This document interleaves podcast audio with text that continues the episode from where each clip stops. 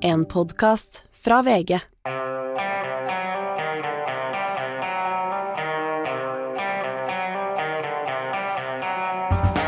Ikke visste jeg at alle disse dagene som kom og gikk, de var selve uke 47. Og hele denne uka, uh, Hanne, så har vi gått og gleda oss. Det har vært Black Week, og i dag er det endelig gudskjelovskvelden Black Friday. Ja. Har du fått kjøpt noe garn?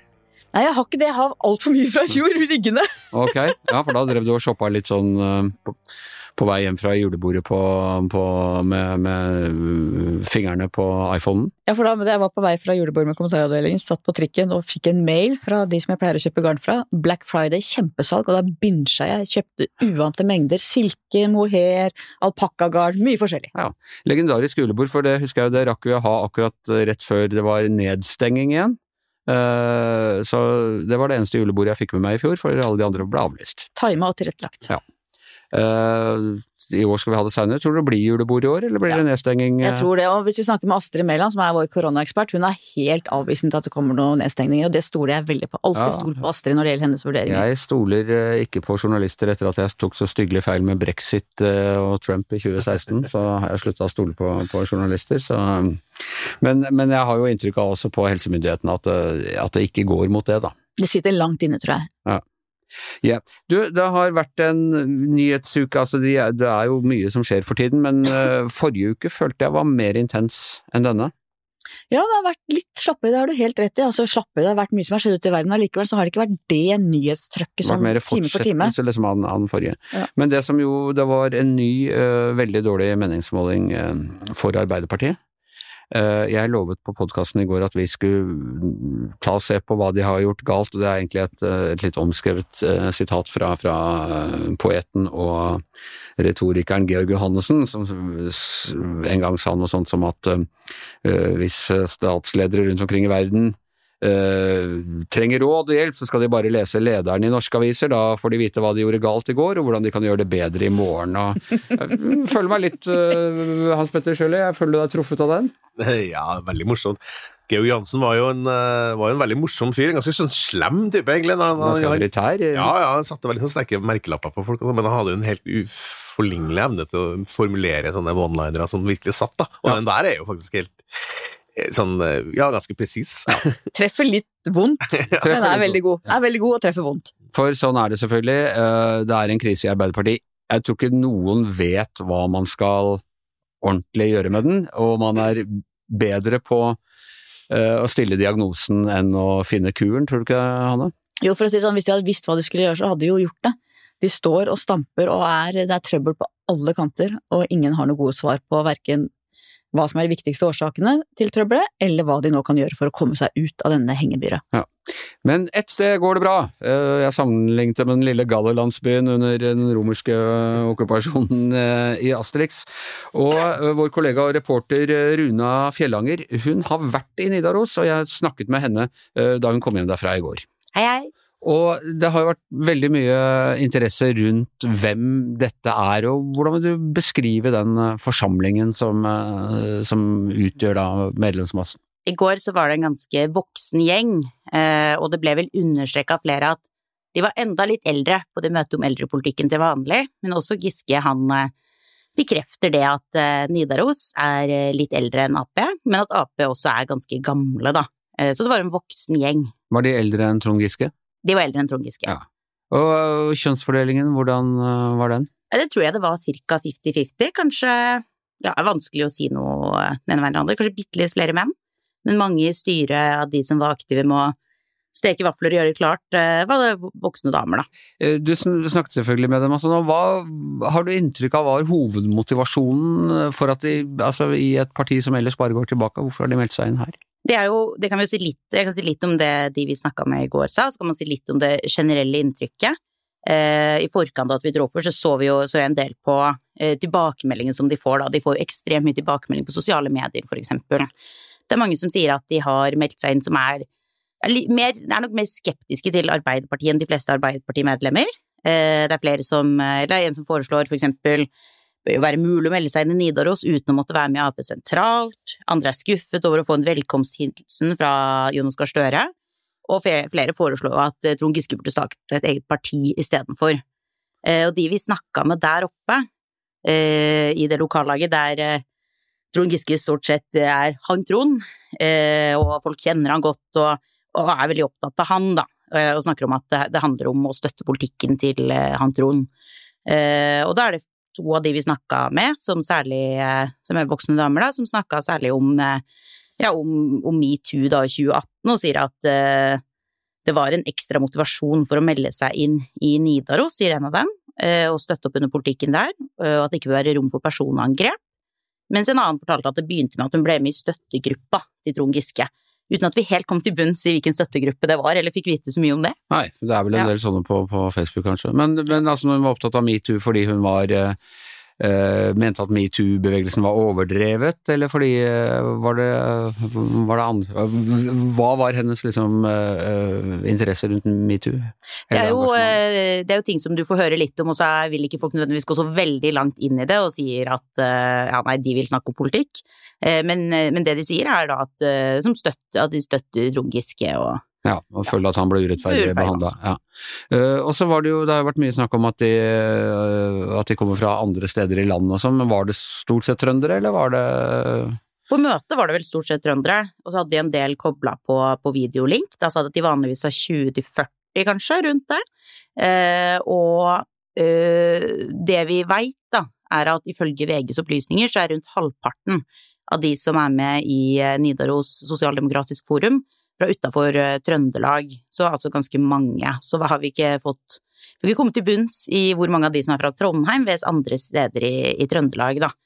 Og så er en ting som Giske sier, som er uh, verdt å ha med seg der, er at uh, ifølge han da, så kommer mesteparten fra utenfor Arbeiderpartiet og har mm. nye, høye medlemsnummer, da, og ikke, ikke fra andre lag. Og han mener at det har vært opp mot 90% og at med nye medlemmer skal det være opp til 95% men de tallene har jo ikke vi.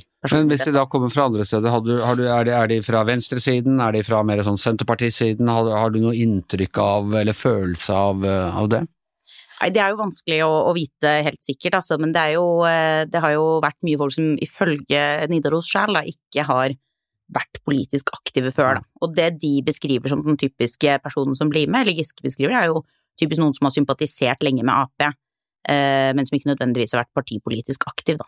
Og så var det eldresaken du diskuterte, men har du noe inntrykk av hva som er de viktigste sakene utover da eh, metoo for, for uh, Sosialdemokratiske forumet? Når det var, gjaldt eldresaken, så snakka de mye om at man ikke skulle bli for skrøpelig. Og ellers Det er viktig, det, faktisk. Ja, ja. Og det er forfriskende det at skrøpelig kan man si uten at det er en fornærmelse i Trøndelag. Ja. Jeg vet ikke om du kunne hatt et Oslo Ap kunne hatt et medlemsmøte der man snakket om man ikke skulle bli for skrøpelig, og det hadde Beskylder folk for å være skrøpelige? Ja, ja. Det er jo litt begrensa på Østlandet, vet du, dialektmessig. Ja. Men uh, de er opptatt av strøm, selvfølgelig. Mm. Så er de opptatt av ulikhet, og så er de veldig, når vi intervjuer Giske for eksempel, veldig opptatt av de sosialdemokratiske verdiene og ideologien, da. Og at de ikke skal diskutere byggeplansaker, men uh, de store sosialdemokratiske linjene, da. Ja. Men det er jo nettopp byggeplansaker i Trondheim, for eksempel, da, som de kan få en del innflytelse på. Uh, og uh, du nevnte jo at det var en som hadde sagt at han eh, eller hun likte ikke å ha fått velkomsthilsen fra Støre. Hadde du inntrykk av at Støre var mislikt der generelt? Vi snakka ikke så mye om Støre, og så Det var vel mest snakk om Det er jo mest snakk om Giske, men det er i, researchen, da, så, så, gikk jeg gjennom både nettsidene til Nidaros, og de har jo helt egne nettsider ikke lokallag.arbeiderpartiet.no, eller om det er omvendt rekkefølge, holdt jeg på å si, som de andre, eller de fleste andre har. Eh, og verken på nettsiden eller på sosiale medier så nevnes Støre noe særlig. Eh, så langt jeg titta tilbake, så var vel ikke Støre nevnt. Eh, ordet Arbeiderpartiet er stort sett nevnt når det står at man er en del av Trondheim Arbeiderparti.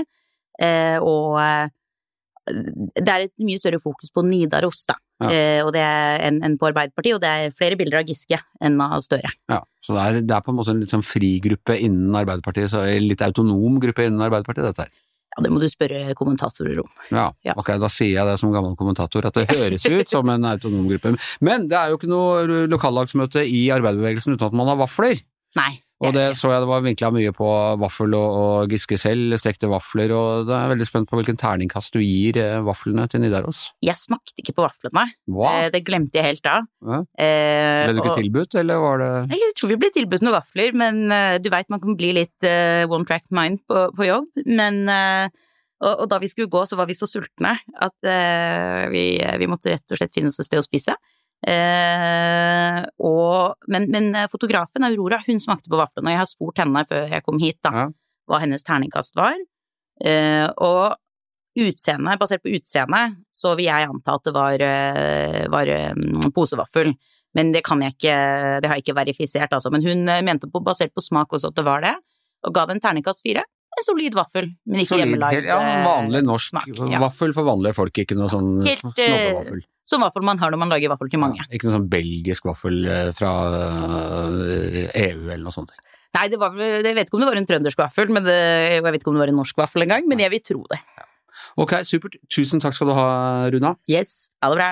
Mirakelet i Nidaros, som vår gode kollega og venn eh, Roar Hagen har kalt i en tegning hvor han, eh, hvor han spiller på Olav den hellige, altså hvis hår og skjegg grodde etter at han hadde, hadde falt, og så er det en tegning med Jeg hører rykter at du også var litt sånn involvert i, eh, i, det, i konseptualiseringa der.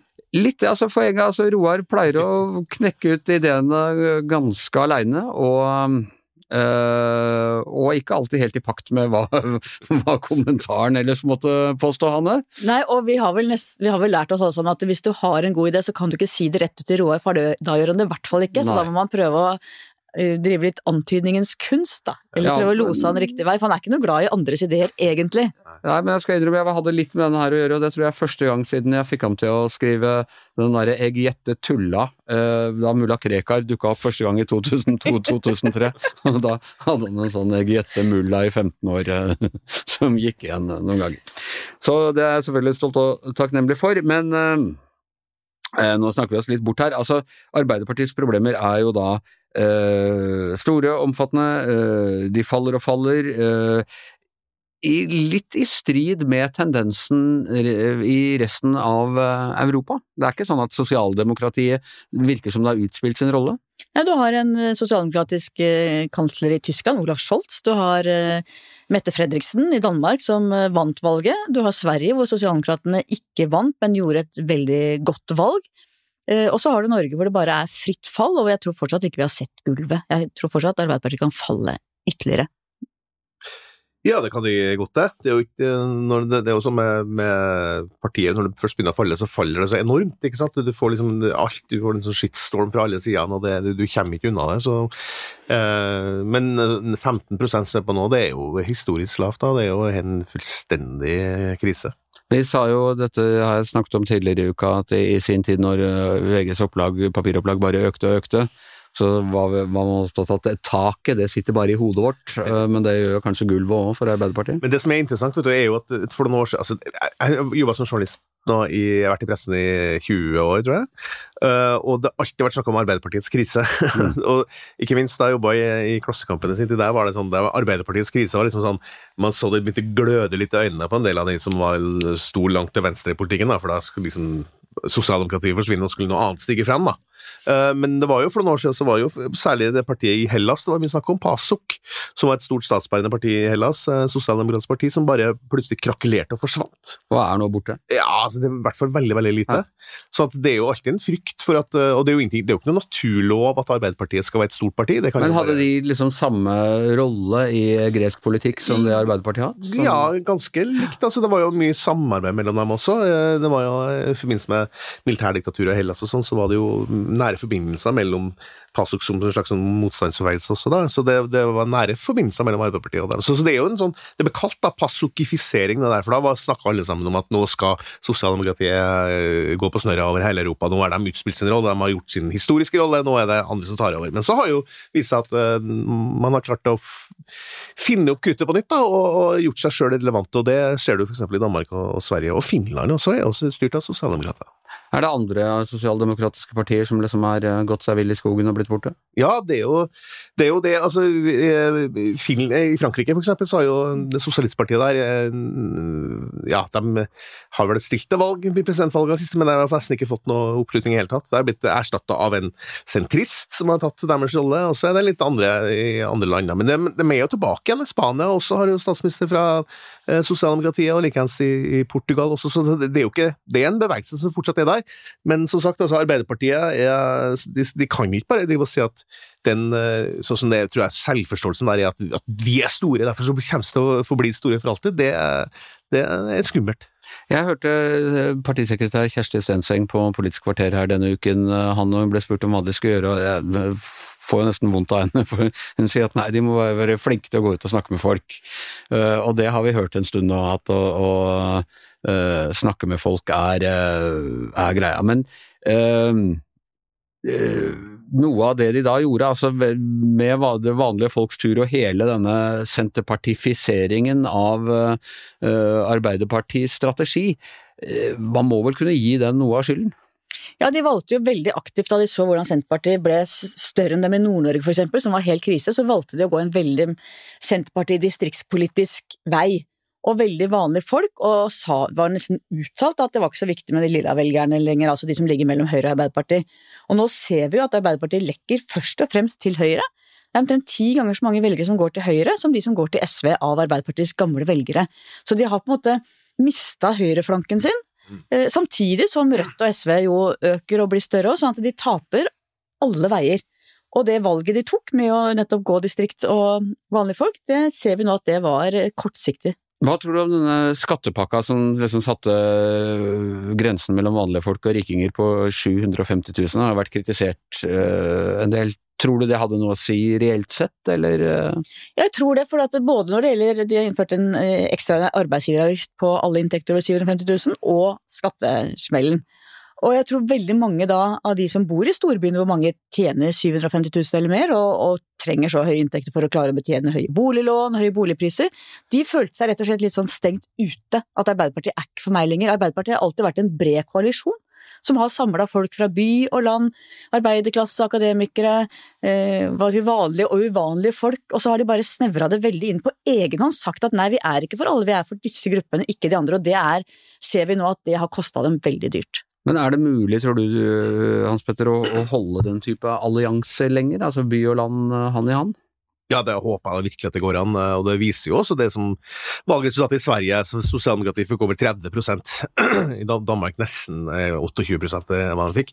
Eh, så det går an, det. det, går an, det. Eh, men, og jeg, jeg, jeg, tror nok at det er litt eh, skummelt for Arbeiderpartiet å, eh, å liksom begynne å definere seg som et interesseparti for en, eh, for en klasse, eller for, det, det, er ikke sånn Det er lenge siden, det. Eh, mm. Og, og, og det, det, samfunnet er mye mer sammensatt og mye mer uh, heterogent. Så å, begynne å definere Arbeiderpartiet, som jo var det store catch-all-partiet, det som, som, var for høy og lav, uh, og, og, barna til den første arbeiderklassen fikk jo utdanning, ikke sant? og da, det var ikke noe naturlig at de skulle da gå til høyre eller andre eller venstre, eller sånne ting. da skulle de jo forbli i familien. sant?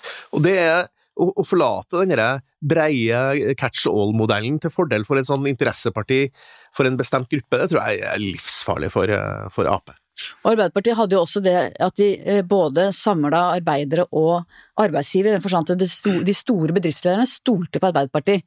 Og det, var, eh, det, viktigste var kanskje at de ikke frykta Arbeiderpartiet. Det, kunne gå, det, ja, det var vel mer det at de ikke fryktet som hvorvidt de virkelig stolte, liksom, men at du, ja, du fikk til et sånt inntektspolitisk samarbeid og Ja, og du hadde også ganske tett, tett forbindelse mellom Arbeiderpartiledelsen og de store, altså Hydro og Statoil, nå Equinor, de store selskapene. Det var det var tillit alle veier. Jeg har alltid hørt det som en forklaring forresten da historisk at de satt sammen i konsentrasjonsleir under krigen. Hans Petter, er det noe i det? Ja, det tror jeg. Ja. Det ble nok danna en slags eh, forståelse der at nå skal vi bygge landet sammen, og da hadde de jo Så det var jo partiet mye mer revolusjonært og Ja, så Arbeiderpartiet på, på 20-tallet, og, og, da ble de jo splitta også i, i, egentlig tre partier. Uh, så var jo, da var de jo ganske radikale, men, uh, men det var jo, et, var jo Gerhardsen Eh, det som ble kalt for, litt sånn foraktfullt kalt for toppfolkenes partnerskap. At, at de da fikk da en allianse mellom, si, mellom LO og, og NAF da, og, og, og Høyre og Arbeiderpartiet. Det var, for å være litt stygg, så var det nesten litt sånn litt sånn korporativistisk modell, litt sånn, sånn som Mussolini argumenterte for i, Italia. ikke sant? At du, Der skal vi ordne sammen, eh, og på tvers av konfliktene så skal vi sitte på toppen og, å finne kompromisser. Men det, men det viser seg det var jo en, var jo en modell som virkelig har, har, tjent Norge kjempegodt, og det har skapt også stor politisk stabilitet og en slags ja, en, en tillit til det politiske systemet i Norge. da. Så begynne, begynne å, å, gjøre om den modellen der og, og skape mer sånn kamp eh, At Arbeiderpartiet skal bli sånn kamptropp igjen, sånn det, det, det, er liksom noe unorsk over det, og jeg tror det, det er litt skummel vei at, å gå den veien, da. Slagordet har alltid vært skape og dele. Og Arbeiderpartiet har jo da, som jeg har vært inne på, hatt høy troverdighet i næringslivet. Nå kom det en undersøkelse nylig som viste at veldig, jeg tror det var ja, veldig få som hadde, av næringslivsledere og bedrifter som hadde tillit til Arbeiderpartiets næringslivspolitikk. Nå tror jeg det handler mye om lakseskatten og kraftskatten, at de pumper opp et fiendebilde, men jeg tror også det stikker litt dypere at, det, at mange i næringslivet opplever at det er mindre forutsigbart. At det er lettere å på en måte pushe Støre og regjeringa i forhold til sak enn det var før. Da liksom Arbeiderpartiet, enten det var Gro Harlem Brundtland eller Jens Stoltenberg, bare sto fast at dette er linja. Ja. Eh, og vi må nesten snakke litt eh, person her òg. Eh, det er da altså Jonas Gahr Støre som er leder for partiet. Overtok på en begeistringsbølge for ikke så mange årene siden. De lå rundt 40% i første runden. 40 på målingen. Ja, hvor lenge er det siden nå? Ja, det var jo bare fem, nei, sju år siden, da, 2014-2015. ikke sant? Ja. Og så har det altså bare gått øh, rett åt skogen øh, hele veien. Um, så skal det jo sies altså at ja, det er ikke mange årene siden, men veldig mange forutsetninger har forandra seg her i verden på den tiden. Da var det rett etter den oljekrisa. Det var nok en litt sånn at man håper at nå skal Arbeiderpartiet liksom komme tilbake og, i en krisetid og, og, ordne opp. Så fikk du pandemien, og så har du fått krigen, og så har du fått eh, inflasjonen, og så har du fått strømprisene, og eh, Så det er jo eh, Arbeiderpartiet, hvis det er et stort tankskip, det skal jo liksom snus relativt kjapt da, for å klare å omstille seg til de nye tidene. Ja, samtidig har Arbeiderpartiet alltid klart å omstille seg til nye tider, og det er jo ikke sånn at krise gjør at det automatisk går ned i oppslutning, det kan være tvert om. Kanskje særlig for det partiet. Mm. Erna Solberg styrket seg jo veldig gjennom eh, pandemien og fremstår som en veldig trygg og stabil leder. Det er klart Men hun tapte valget. Hun tapte valget, og denne krisa er litt annerledes for at det går så rett på folks lommebok med prisstigninger, men det er ikke den eneste forklaringen. For det er også noe med at Jonas Gahr Støre ikke har klart å på en måte fremstå som en trygg og samlende leder i en kritisk tid for landet. Og så har han altså, Man snakker jo alltid om eh, viktigheten av å da bygge, eh, sikre en arverekkefølge og sånne ting. Den er mildest talt litt uklar akkurat nå. Eh, alle trekker fram Tonje Brenna som, som regjeringens sterke kort og en, en mulig etterfølger, men han hadde altså to nestledere som begge på hver sin måte har falt i unåde, og begge ser ut som de på hver sin måte er på vei tilbake. Nå hørte vi liksom om Giske og, Nidaros, men uh, hva tenker dere om Hadia Tajik og hennes mulighet for, å, for comeback? Kom an på hva du mener comeback. Jeg tror det er helt mulig for henne å komme tilbake som statsråd, og egentlig er det litt rart, for det er klart, tull med skatt, det er virkelig en av de grunnleggende syndene i Arbeiderpartiet. Det er det man virkelig du skal betale skatten din med glede, men likefullt så tror jeg så mange ser at hun er veldig dyktig, at de ønsker henne tilbake. Så er det en helt annen stemning rundt hennes varslede tilbakekomst enn Trond Giske. Og, jeg vil tro at i Nidaros er den stemningen rundt hennes ja. tilbakekomst omtrent like sur som, eh, som eh, stemningen rundt uh, Giskes tilbakekomst er rundt Hadia. Absolutt, men hvis du ser på en måte brede delen av Arbeiderpartiet, så tror jeg at hun ønskes velkommen. Jeg tror ikke hun kan komme tilbake som partileder og det som mange tror at hun skulle bli en sånn arvtaker. Jeg tror ikke hun kan komme tilbake til partiledelsen, men det å Nei. bli statsråd igjen, tror jeg det er en som Arbeiderpartiet trenger. Hun var veldig flink som eh, arbeidsminister, gjorde mye for at arbeidslivet, opparbeida seg etter hvert på tross av at hun ikke hadde vært så populær der før, en ganske solid posisjon innad i LO. Så hun er nok velkommen. Og kanskje også, må vi ikke glemme at hvis man framer det her i sånn høyre-venstre-greier, så det, Hadia Tajik var jo ganske radikal på en del ting eh, innenfor uh, arbeidslivspolitikken. At, og i tillegg så, så, er jo den regjeringa her er jo, for å være litt sånn siden vi sitter her og, og feller dommer, sånn, så kan vi si at det er jo ikke så veldig fargerik, den regjeringa. Det, det, det, mangler et sånne åpenbare stjerner, da. Uh, og, all white panel? ja, men, men det var ikke det jeg tenkte på nå. Jeg tenkte bare at Hadia Tajik er utvilsomt uh, dyktig, og utvilsomt uh, en handlekraftig politiker, så jeg tror ikke at regjeringa savner den type medlemmer, da. Så jeg tror mange i Arbeiderpartiet kan tenke seg å se henne tilbake igjen på statsrådsplass. Ja. Men pussig nok, altså det ble jo da under hele denne øh, rundt konfrontasjonen med henne og Giske, så ble det fremstilt som at hun hadde et voldsomt nettverk og medier og pølsefester og nærmest utmanøvrerte han, og at han ble offer for dette. Men sånn det jo er, øh, reelt sett er, er jo at øh, Trond Giske han er en nettverksbygger av rang og har alltid vært og var kjempeflink eh, til å holde kontakt og bygge nettverk. Mens Hadia Tajik har ikke noe stort nettverk i, i partiet, Hanne? Nei, hun fikk noe mer gjennom metoo-høsten 2017-2018, for hun har aldri vært noen sånn people's person, hun har alltid vært litt sånn sjenert og sky, men da fikk hun et nettverk hvor mange av de nå er ute igjen. Hun ble både eh, fikk folk rundt seg, men ble også mye mer kontroversiell i Arbeiderpartiet blant skal den andre sida, og ikke bare Trond Giske, men mange som følte at hun kjørte et veldig veldig rått løp den gangen. Så hun ble både mer samlende og mer splittende på et vis. Eh, mens Jonas da ble valgt til partileder i 2015, så fikk han de to største stjernene med seg. Altså mm. Både Trond Giske og Hadia Tajik er veldig veldig gode i debatter, er veldig flinke politiske håndverkere veldig forskjellige typer, men de tålte ikke trynet på hverandre. På et tidspunkt så måtte man jo ha en sånn organisasjonspsykolog inne. Jonas Gahr Støre henta jo inn en organisasjonspsykolog for å prøve å bygge bro og drive litt sånn slags parterapi mellom dem. Det gikk visst veldig dårlig. Da hadde de angivelig sittet og sett ned i hver sin mobiltelefon og ikke vært noe interessert i brobygging. Hva var det de var uvenner av, eller hva var det som skapte den dårlige kjemien?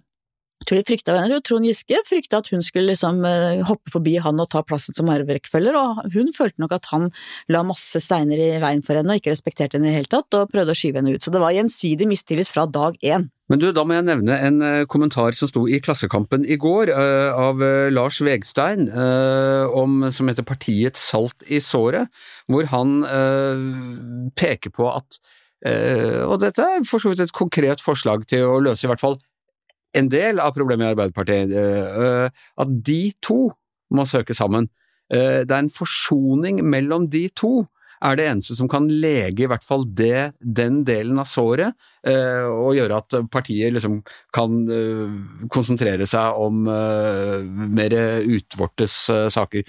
Hva tenker du om den kommentaren, Hanne? Ja, det er en veldig morsom tanke. Jeg tror aldri det kommer til å skje.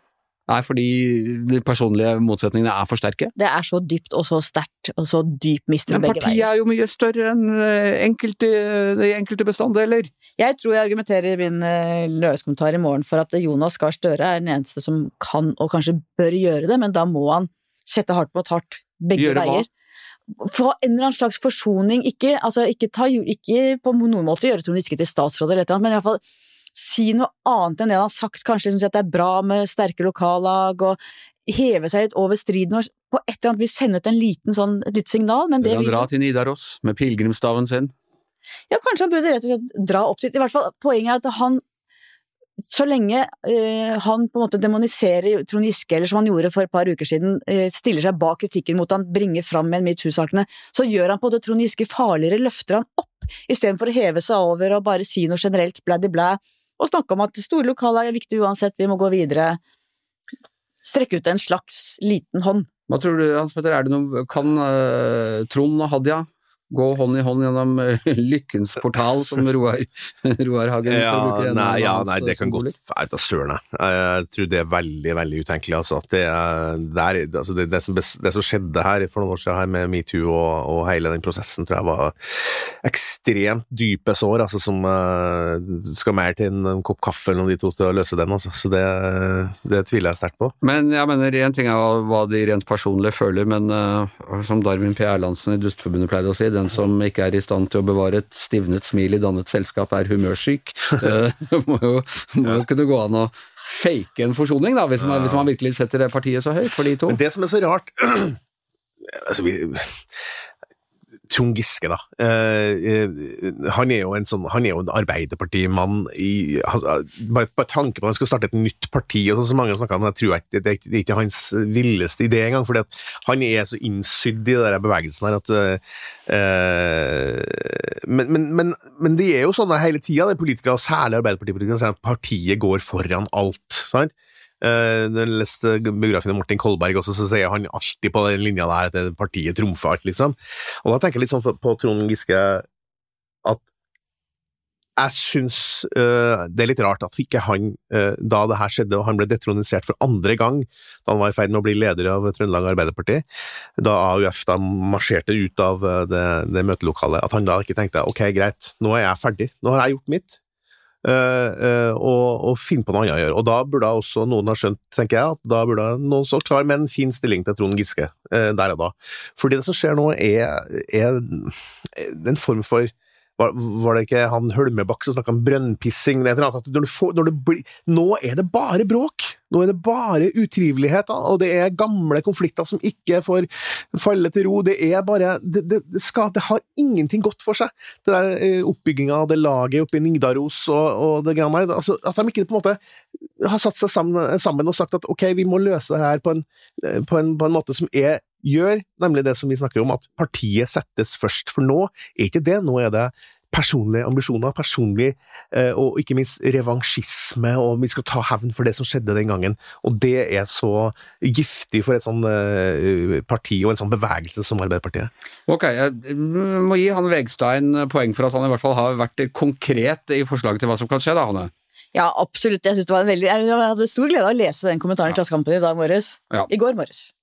Eh, men eh, vi må snakke om en annen ting òg. Det, det, er en vond ting, eh, syns jeg. Men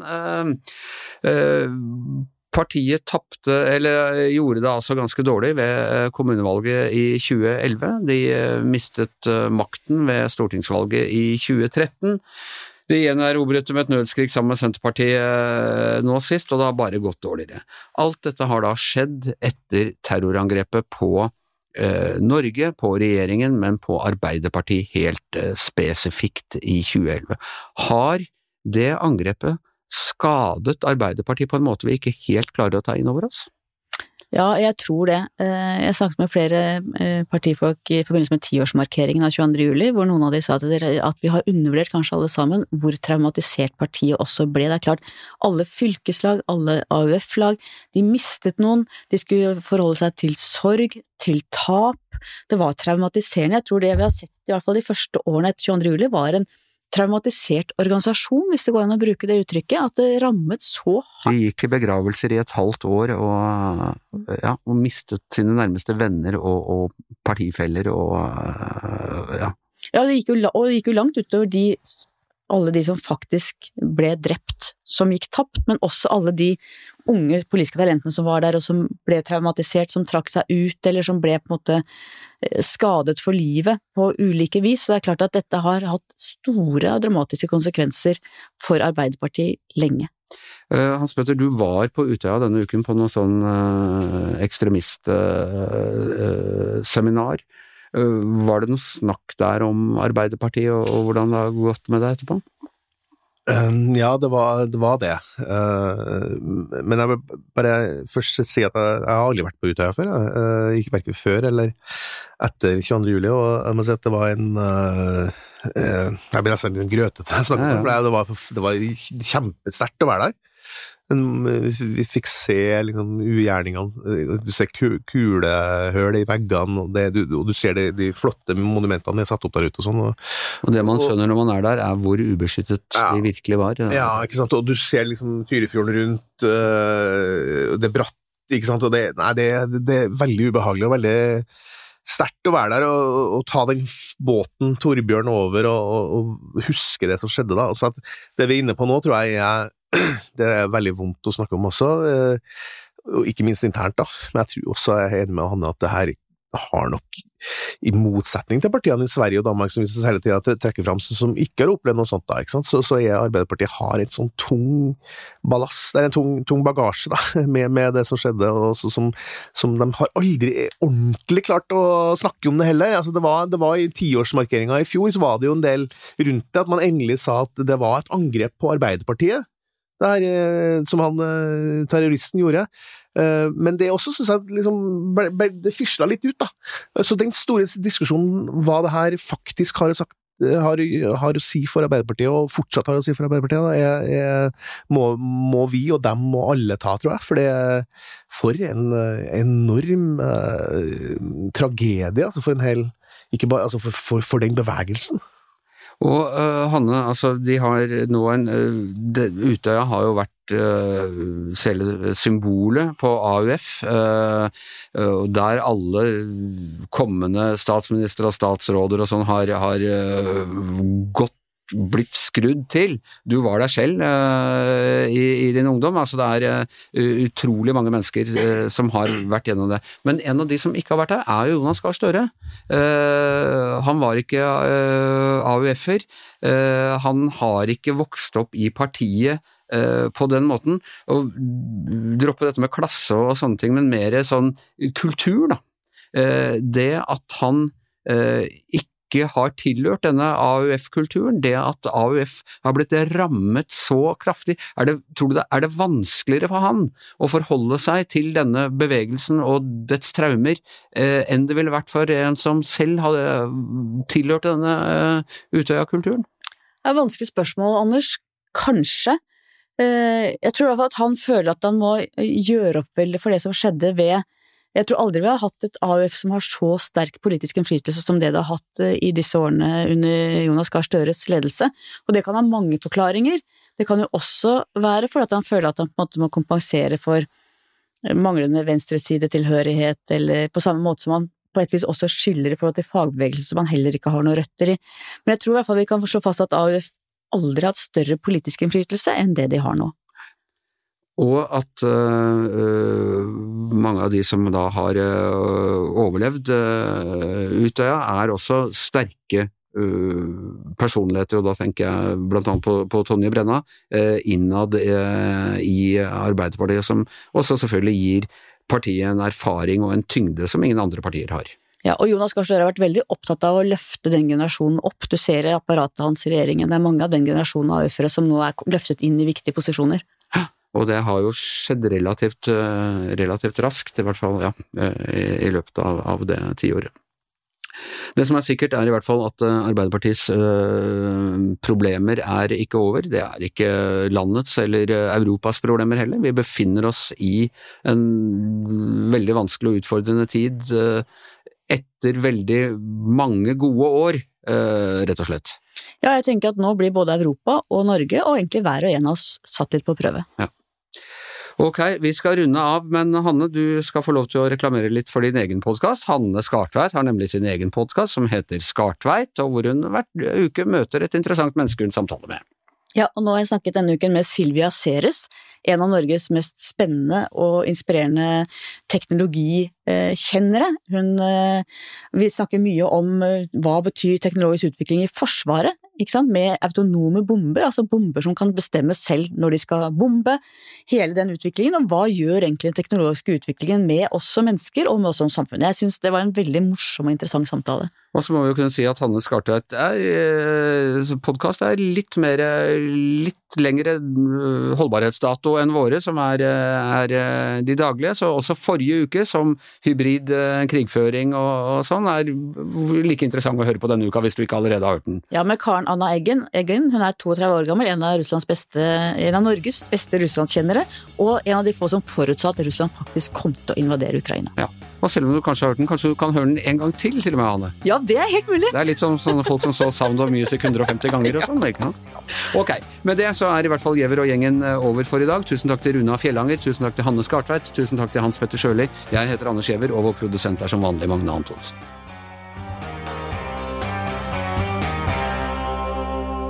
Du har hørt en podkast fra VG. Ansvarlig redaktør, Gard Steiro.